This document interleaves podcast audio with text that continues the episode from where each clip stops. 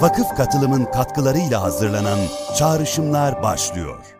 Yurt dışına bu kadar çok adamını gönderip bu kadar çok fire veren ve kafası yabancılaşmış, dışı yerli ama kafası protez, içi kafir gibi düşünüyor ama dışında Müslüman ismi taşıyan insanlar en çok burada var.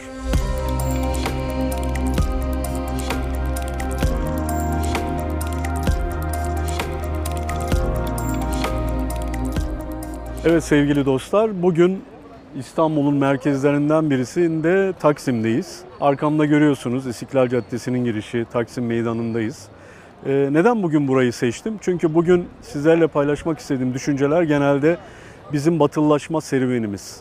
Oradaki gariplikler, batılılaşma serüveninin ulaştığı merhaleler, e, o arada düştüğümüz çukurlar, efendim o arada girdiğimiz, çıktığımız bir takım badireler ve bugüne yansıyan yönleri elbette. Biz burada biliyorsunuz yani turizm programı yapmıyoruz, tarih programı da yapmıyoruz. Ama almamız gereken ibretler var ve bence Taksim e, ve İstiklal Caddesi bu bizim son iki asırın gerçekten bir özeti gibi.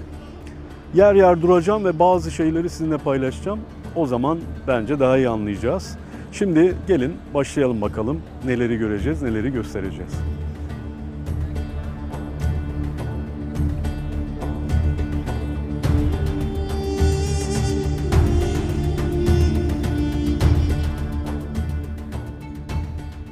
Evet sevgili kardeşlerim, e, şimdi Hüseyin Ağa Camii vardır. İstiklal Caddesi e, tabii ki daha çok batılı e, mimariyle bilinen bir cadde. Bu cami hemen hemen bu cadde üzerindeki tek cami. Oradan anlıyoruz ki yani bu daha çok gayrimüslimlerin yaşadığı Cumhuriyet döneminde de pek İslam'ın sokulmadığı muhitte garip kalmış yetim kalmış bir cami. Zaten ilk orijinal hali de bu değil. İki kere yıkılıyor. Cumhuriyet döneminde yeniden yapılıyor. O zaman da bu önündeki mezarlık caddeye gidiyor. Yani caddenin genişletilmesinde buradaki mezarlar her yerde olduğu gibi taşınıyorlar. İnşallah bir yerlere taşınmışlardır. Şimdi bu caminin çok e, güzel bir özelliği var. Seyyid Abdülhakim Arvasi Hazretleri'ni bir müddet burada sohbetler yaptığını biliyoruz. Kim Seyyid Abdülhakim Arvasi Hazretleri? Necip Fazıl'ı doğru yola dönmesine vesile olan insan. Yani onun mürşidi. Yani onu irşad eden. Ne demek irşad eden? Adam eden. Adem olmak elimizde değil ama adam olmak elimizde. Ama adamlığı da sadece adam olanlar öğretebilir. İşte mürşit denilen zatlar böyle insanlar. Seyyid Abdülhakim Arvasi aslen Vanlıdır. Orada e, Başkale ilçesi vardır. Orada Arvas köyü vardır. Arvas köyü Seyitler köyüdür. Ta Memluk zamanından, ta işte Hulagu işgalinden beri Bağdat'tan göçüp oraya konmuşlar. Seyyid Abdülhakim Arvasi Cumhuriyet döneminde burada, bu camide ve Beyazıt Camii'nde sohbetler ederdi. Necip Fazıl'ı da Kaşgari dergahı var Eyüp'te, tepede. Pierre denilen, yanlışlıkla denilen yerde. Orada yaşardı. O asıl hizmet ettiği cami orasıydı. Necip Fazıl'ın da ilk gelip ona bağlandığı yer aslında orasıdır. Fakat burada da halkı çok irşad etmiş. Bize neyi anlatıyor bu? Ortam ne olursa olsun, çevre ne olursa olsun, sistem ne olursa olsun Allah adamı yapacağı işi yapar. Mazeret üretmez. Hakkı her yerde anlatır, her şekilde anlatır. Yeter ki hakka bağlansın ve onun kıymetini bilsin. Ancak onlar bildirebiliyor. Ee, bakalım başka nereleri göreceğiz.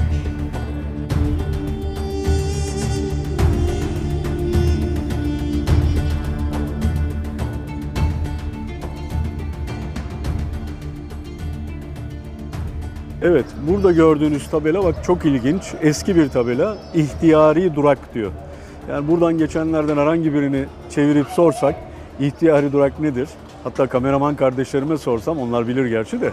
İhtiyarların durağı mı abi nedir yani garibanlar burada beklesin hani gölge falan diye mi diyebilirler. Halbuki ihtiyari durak demek tramvay her zaman burada duracak demek değildir. Sadece yolcu olduğunda durur manasında eski bir tabela. Bakın bu eski dediğimiz tabela 60'lı yıllardan kalma büyük bir ihtimalle. 60'lı yıllardaki Türkçeyi bile şu anda anlamıyoruz. Ne kadar büyük yıkımlar yaşıyoruz onu anlatmak istedim size.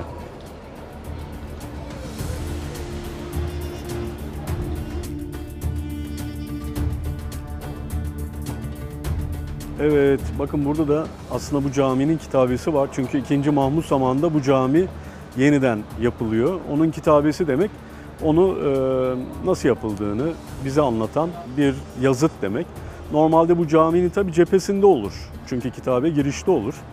E, buraya nasıl konulmuş? Zaten nasıl konulduğuna bakarsak o camiden geriye bir tek bu kalmış büyük bir ihtimalle yıkıntı içinde. Ondan sonra onu da böyle kenara koymuşlar. Böyle yerinden olan çok eser İstanbul'da vardır. Başka yerlerde de var.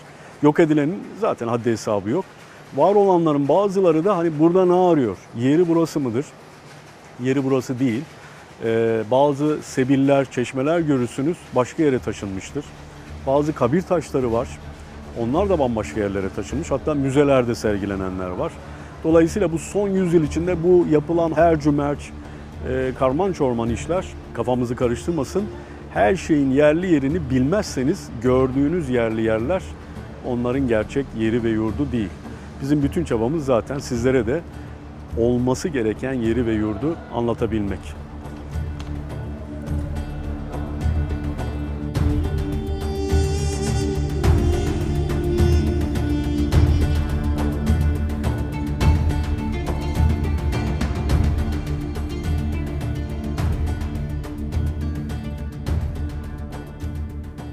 Geçenlerde e, Beyoğlu Kültür Yolu Festivali kapsamında bir konuşmam oldu. 40 makam 40 anlam üzerine. Burada da işaretini görünce sizlere onu da haber vermek istedim.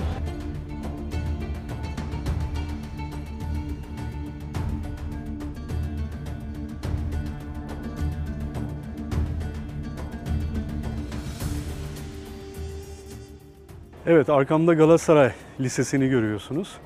Galatasaray Lisesi aslında bizim yine 100 yıllık, 150 yıllık kendimizi unutma, kendimizi kaybetme tarihimizin önemli bir köşe taşı İstiklal Caddesi üzerinde. Normalde burası kırlık iken 2. Bayezid zamanında 2. Bayezid bir gün bu taraflara gelir. Bakar ki burada çok güzel bir bahçe var. Güller, çiçekler. Bahçeye girer anlatılana göre. Orada bir kulübenin içinde bir hak dostu oturmaktadır. Onunla tanışır. O hak dostuyla sohbet edince demiş ki benden bir arzum var mı? Ee, o veli de demiş ki sen buraya bir mektep yaptır. Allah'ı bilen insanlar burada yetişsin. Rivayet böyle. Bunun üzerine 2. Bayezid yani Bayezid-i Veli denen Beyazıt Camii'ni yaptıran o kıymetli adam buraya bir sultani, sultani demek padişahların bizzat kendi vakıfları olan okullar demektir. Buraya öyle bir okul yaptırıyor ve bu okul da e, diğer bir takım mektepler gibi saraya yönetici sınıfı yetiştiriyor. Aslında Topkapı Sarayı'na alınacak, Enderun'a alınacak talebeler buradan yetişiyor. Orijinali bu ama orijinal binası bu değil tabi. Niye? Binaya baktığınız zaman zaten e, o dönemin mimarisini değil, bizim e, batıya teslim olma tarihindeki öykünme mimarisini görüyorsunuz. Çünkü bu bina yanlış bilmiyorsam 2. Mahmut zamanında yeniden yapılıyor. Harabe halindeymiş yıllar, asırlar içinde. Dolayısıyla Galatasaray Lisesi aslında bir sultani idi. Fakat nasıl oldu da Fransız misyoner okulu haline geldi? Sormamız gereken şey bu. Fransa'nın hala bu okulda, üniversitede etkisi var. Niye? Mecbur muyuz? Mahkum muyuz? Muhtaç mıyız? Biraz o mevzulara da eğilmemiz lazım. Size bu e, ilginç ibreti göstermek istedim.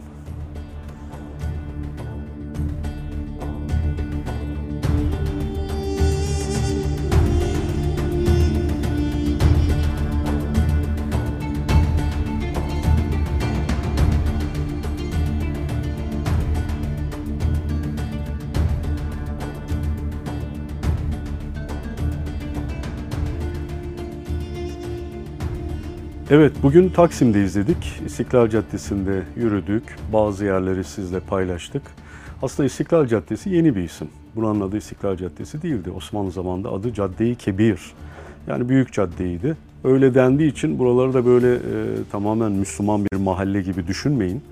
Aslında fetihten sonra Galata kısmı evvelden olduğu gibi e, Levantenlerin yani ne demek Levanten? Akdeniz Havzası'nda Osmanlı Devleti'nde yaşayan Avrupalı insanlara denilen isim. E, Fransızca Levant e, şark demek. Yani şarklı manasına geliyor ama Avrupalılar için kullanılır. Yoksa diğer bizim yerli gayrimüslim halklarımız için kullanılmaz. Yani bir Osmanlı Rumu, Osmanlı Ermenisi, Osmanlı Yahudisi, Osmanlı Süryanisi için kullanılmaz. Neyse bu bölge zaten onların bölgesi. Ee, Galatasaray Lisesi mevzunu anlatırken e, onu anlatıyoruz. Ee, burası normalde kırlık bir yer. Çünkü Galata'da bu iş bitiyor. Yani yerleşim yerleri fetihten sonra Galata Kulesi'nin oralarda bitiyor. Buralar kırlık. Daha sonra işte 2. Bayezid'le beraber yani Fatih'ten sonra gelen e, dönemde yavaş yavaş buralar tabii ki e, şenlenmeye başlıyor. Bu şenlenme lafı da ilginç. Ona da bir gireyim. Bir yerin imar edilmesine e, Türkçe'de şenlenmek denir. Bunu Anadolu'da çok kullanırlar. İşte gideceğiz, yaylayı şenlendireceğiz veya şurayı şenlendirdiler diye. Çok güzel bir kavramdır. Benim çok hoşuma gider. Tabii biz bugün şen deyince neşe falan anlıyoruz. Ee, belki hayat neşesi de. Ee, fakat asıl mesele imar e, yapmak, bir yeri yerleşime açmak demektir. Her yerleşim imar değildir tabii ki. Nereden biliyoruz? Memleketimizin bugünkü halinden biliyoruz. Şehirlerin perişanlığından biliyoruz. Evet hepsi yerleşime açık maşallah tarlalar şunlar bunlar yok edilerek bir sürü şeyler yapılıyor ama hepsi de çok şen değil sanki değil mi? Ve mamur da değiller. Arapçada imar kelimesi, mamur kelimesi, tamir kelimesi amera kökünden gelir. O da ömür kelimesiyle aynı köktendir. Yani bir yeri ömürlendirmeye, bir şeye ömür vermeye imar denir. Bunlar acaba öyle mi? E öyle yani binayı yapıyorsun işte en az 50 sene 40 sene durur bir yerde. Ama acaba şen mi? Yani imarın aynı zamanda güzel olması lazım. Neyse İstiklal Caddesi demek ki daha çok gayrimüslim devletlerin e, büyükelçiliklerini açtığı yerdi Osmanlı döneminde ve dolayısıyla gayrimüslim nüfusun, Levanten nüfusun daha çok yaşadığı bir yerdi. Müslümanlar bu yakada tabi Beyoğlu'nun alt tarafları, Tophane tarafı, Kasımpaşa tarafı bu civarlarda tabii ki yaşıyorlardı ama mahalle mahalle. E, bunlar da bölünmüş değildi. Bunu da bu arada anlatmam lazım. Getto kavramı e, hiçbir İslam medeniyetinin bölgesinde yoktur. Nüfuslar birbirinden fiziki olarak ayrılmaz. Ama mahalle şu demek olduğu için bir mabedin etrafında oluşan yerleşim demek olduğu için gayrimüslimler bir kilisenin etrafında mahalle kuruyorlar. Müslümanlar da bir mescidin etrafında kuruyorlar. Ama karışık mahalleler çok fazla, komşuluklar çok fazla. Dolayısıyla hani bu gayrimüslim mahalle, Müslüman mahalle deyince de böyle kesin sınırlarla ayrıldığını sanmayalım. Mesela Balat normalde e, genelde Rum ve Musevi ağırlıklı bir semt idi Cumhuriyete kadar. Fakat orada Müslümanlar da yaşıyordu. Çoğunluğu böyleydi, öyle diyeyim. Fatih genelde Müslümanlar yaşar gibi böyle söylenebilir. Neyse Cadde-i Kebir oldu İstiklal Caddesi. Aslında size göstermedim. Atatürk anıtından itibaren o anıt da 1926 yılında yapıldı. Burada yapılmadı. İtalya'dan ithal edildi. Çünkü burada henüz o derecede bir heykel ustası yoktu. Sipariş oraya verildi. Tabii ki tasarımı burada onaylandı Atatürk tarafından. Onu size göstermedik ama onunla başlamak isterim. E, o anıtta ilginç bir şey var. Eğer İstanbul'a gelirseniz veya İstanbul'da yaşayanlar o anıta şöyle dikkatle bakın. Yani hatta internette var. Orada kim kimdir? Orada bir sürü insan var. Atatürk önde, yanında adamlar var, arkasında adamlar var. O arkasında iki tane yabancı kılıklı adam var. Bunların ikisi de Rus generalidir. Birisinin adı Frunze'dir. Bu Frunze kimdir biliyor musunuz? E, Havza'da Mustafa Kemal'le ta Kurtuluş Savaşı'nın ilk başında görüşüp Rusya'dan destek sözü veren e, adamdır. Frunze aynı zamanda Bişkek'in Sovyetler zamanındaki ismidir. Niye? Çünkü bu Frunze denen adam Orta Asya'daki en büyük Müslüman katliamını yapan generaldir. Adını da Bişkek'e vermişler. Kırgızistan. Bu o bölgenin bölünmesi, işte Kırgızistan, Kazakistan, Özbekistan gibi bölünmesi, çünkü orası bölünmüş bir coğrafya değildir tarihte, e, bu adamların işleridir. O adamın, bakın burada hala cismi duruyor. Eseri nerede duruyor? Orta Asya'da. Çünkü böldüğü yerler hala bölünmüş şekilde devam ediyor. Bu da bizim işte tarihimizin bir cilvesi unutmayın ama. Yani oralar bölünmüş yerler. Aynen diğer İslam toprakları gibi. Kim tarafından? İngilizler bu tarafları, Fransızlar bu tarafları ama Ruslar da o tarafları. Avusturyalılar da Balkanları aynı şekilde böldüler. Birçok devlet ismi o yüzden çok yeni. Gelelim İstiklal Caddesi'ne. Arada birileri duyarsınız. Derler ki ah efendim nerede eski günler? İstiklal Caddesi'nde takım elbiseli beyler gezerdi, tayyörlü hanımlar. Başka bir tip insan göremezdiniz. Çok kibar insanlar. Hepsi böyle e, elit insanlardı. Ah nerede efendim? Şimdi her tarafı köylüler. Efendim böyle ayak takımı aldı yürüdü derler. Bunu söyleyenler genelde sorarsanız halkçıdır, demokrattır. Ama demosa tahammülleri yok. Halka tahammülleri yok. Evet, tek parti döneminde burada batı tarzı şapka giymeyen, takım elbise giymeyen, kravatlı e, ve tayyör giymeyen, batı tarzı kıyafet giymeyen erkek ve kadınlara rastlamanız çok zordu. Neden acaba? Nedenini söyleyeyim mi? Aynı şeyi Kızılay'da da Ankara'da Yenişehir'de o zaman ismi göremezdiniz. Hep bu tür insanlar gördünüz. Çünkü İstiklal Caddesi'nin Atatürk heykelinin olduğu yerde polisler dururdu. Tünel tarafında ve orada içeriye bu kıyafetleri olmayan insanları sokmazlardı caddeye. Aynı şeyi rahmetli babam anlatmıştı. Ankara'da Yenişehir'in girişine çünkü o Yenişehir adı üzerinde Kemalist şekilde kurgulanmış ve orada zengin nüfusun yaşadığı yer. Oraya diyor babam bir gece kondu çocuğu olarak bizleri almazlardı diyor. Bekçiler, polisler orada dururlardı. Yenişehir'in girişinde kıyafeti tek parti döneminin kıyafetine uygun olmayan insanlar içeri sokmazlardı. Hatta bunun kurbanlarından birisi Aşık Veysel'dir biliyor musunuz? Aşık Veysel Cumhuriyet Halk Partisi o zaman şiir ödülü verirdi. Adamcağız onu kazanmış. 40, 40'lı yılların başı olsa gerek. Başka bir işte hemşerisinin koluna girerek gariban Bulus'tan Yenişehir'e kadar yürümüş. Yenişehir'de o Cumhuriyet Halk Partisi binasına gidecek. Bekçiler Yenişehir'in girişinde durduruyorlar bugün Kızılay dediğimiz yerde. Hop giremezsin hemşerim. Niye ya? Biz böyle poturlu şeyli eski elbiseli adamları almıyoruz diyorlar. Adamı geri gönderiyorlar. Yani ödülünü alamadı adam. Şimdi tarih diyoruz. Bakın tarih bazı zihniyetlerin bize kendini gösterdiği bir sahnedir. Ben öyle anlarım ve öyle anlatmaya çalışırım. Bunlar hala yaşayan duygular veya e, inanışlardır veya düşüncelerdir. Orada yanlış olanı da tespit etmek lazım. Ne toptan övmek ne toptan sövmek bizim işimiz değil. İstiklal Caddesi aslında Osmanlı batılılaşmasının bir vitrini. Yani buraya geldiğinde o nazarla bakmanızı isterim.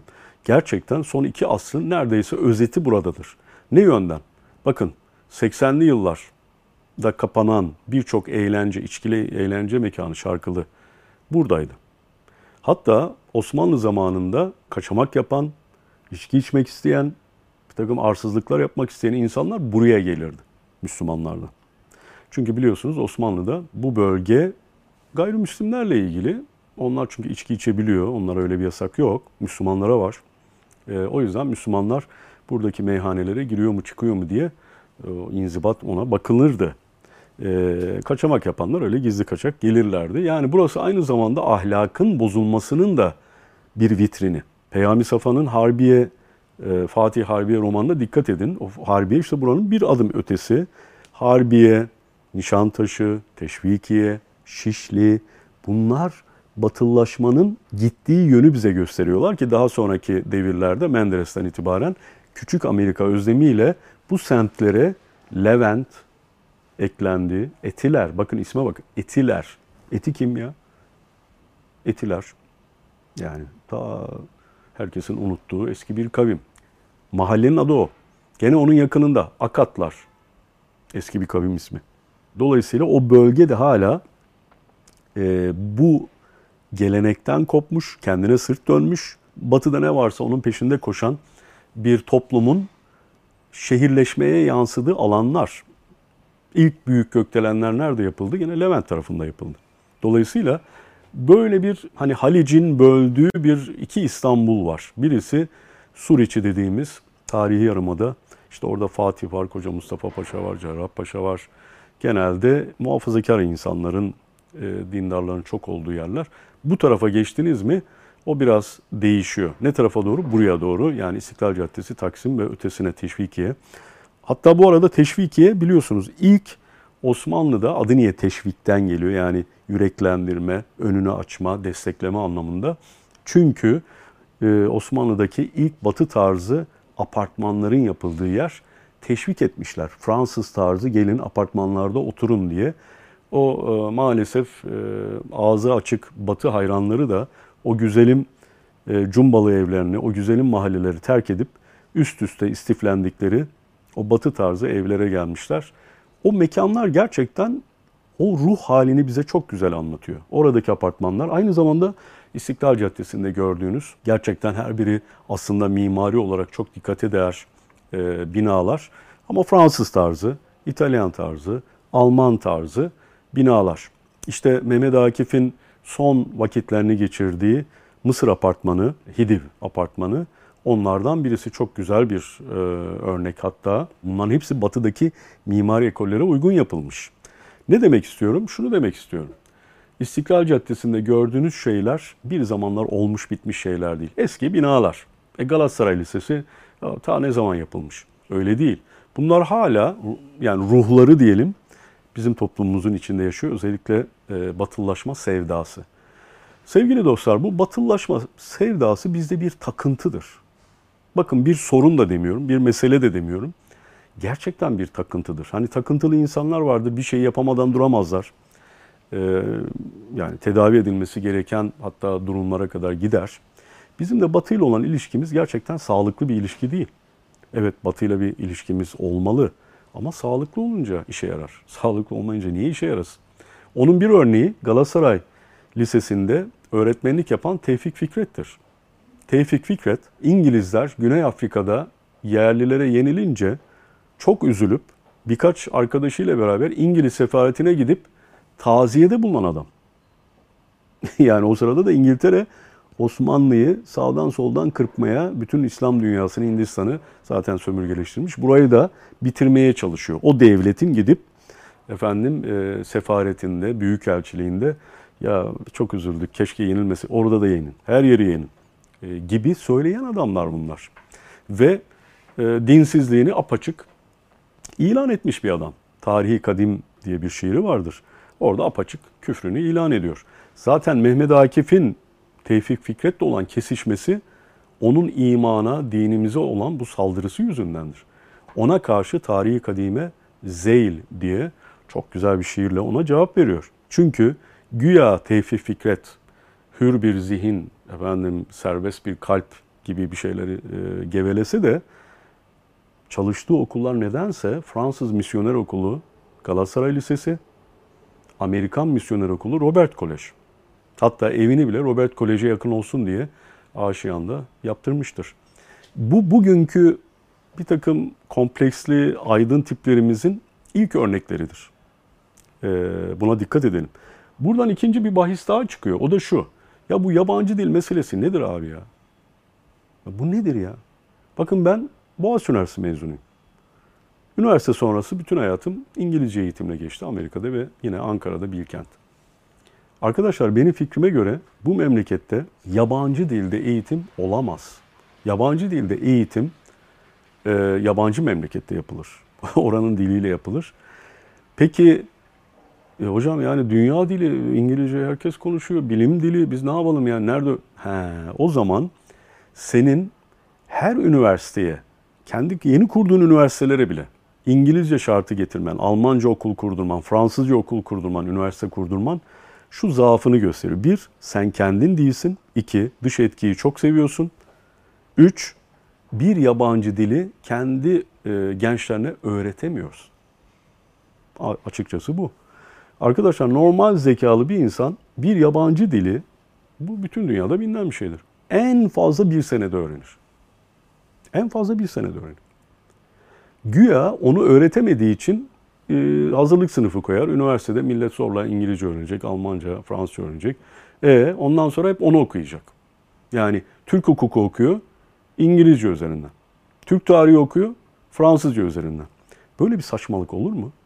Bunun da yeni bir şey olduğunu mu sanıyorsunuz? Asla değil.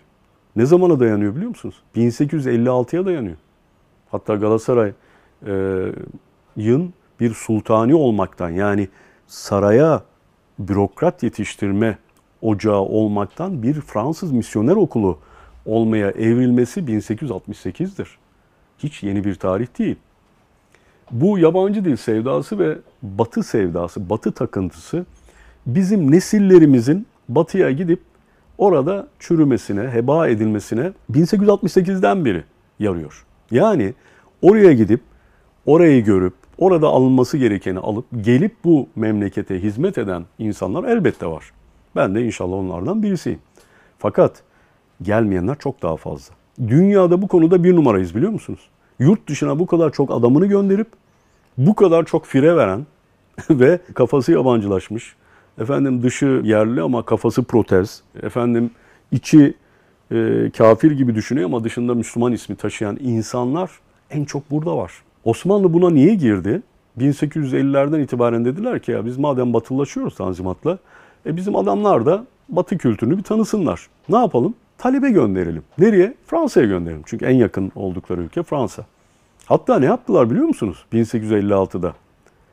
Paris'te Osmanlı bürokratları yetiştirecek okul açtılar ya. Düşün Paris'te o kadar çok adam gönderiyorlardı ki. Orada e, Mektebi Osmani açtılar. Ama 6-7 yıl sonra o çalışmadı. Bu sefer bizimkiler buradan gönder babam gönder. Bugüne kadar sürekli gönderiyoruz. Bürokrat gönderiyoruz.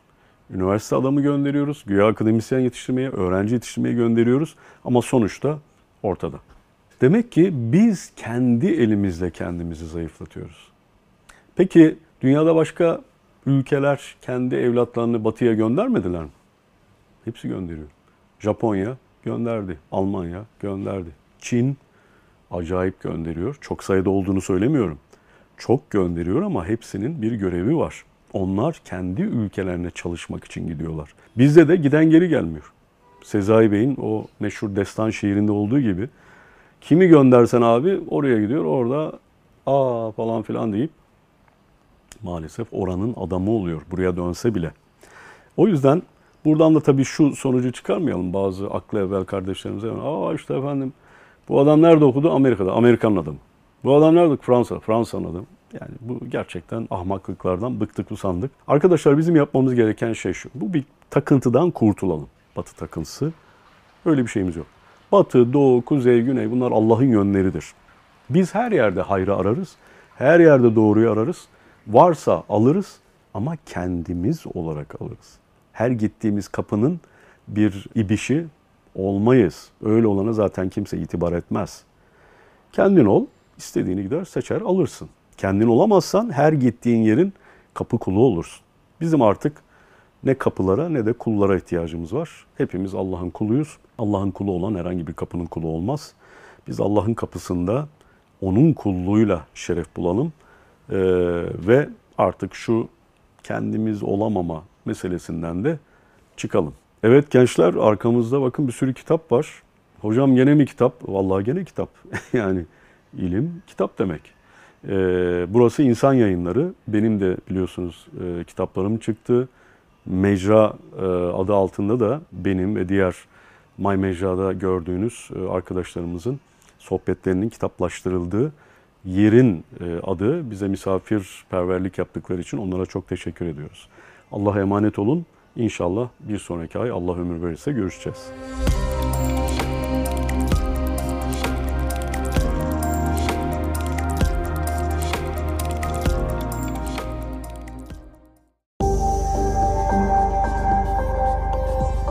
Vakıf katılımın katkılarıyla hazırlanan Çağrışımlar sona erdi.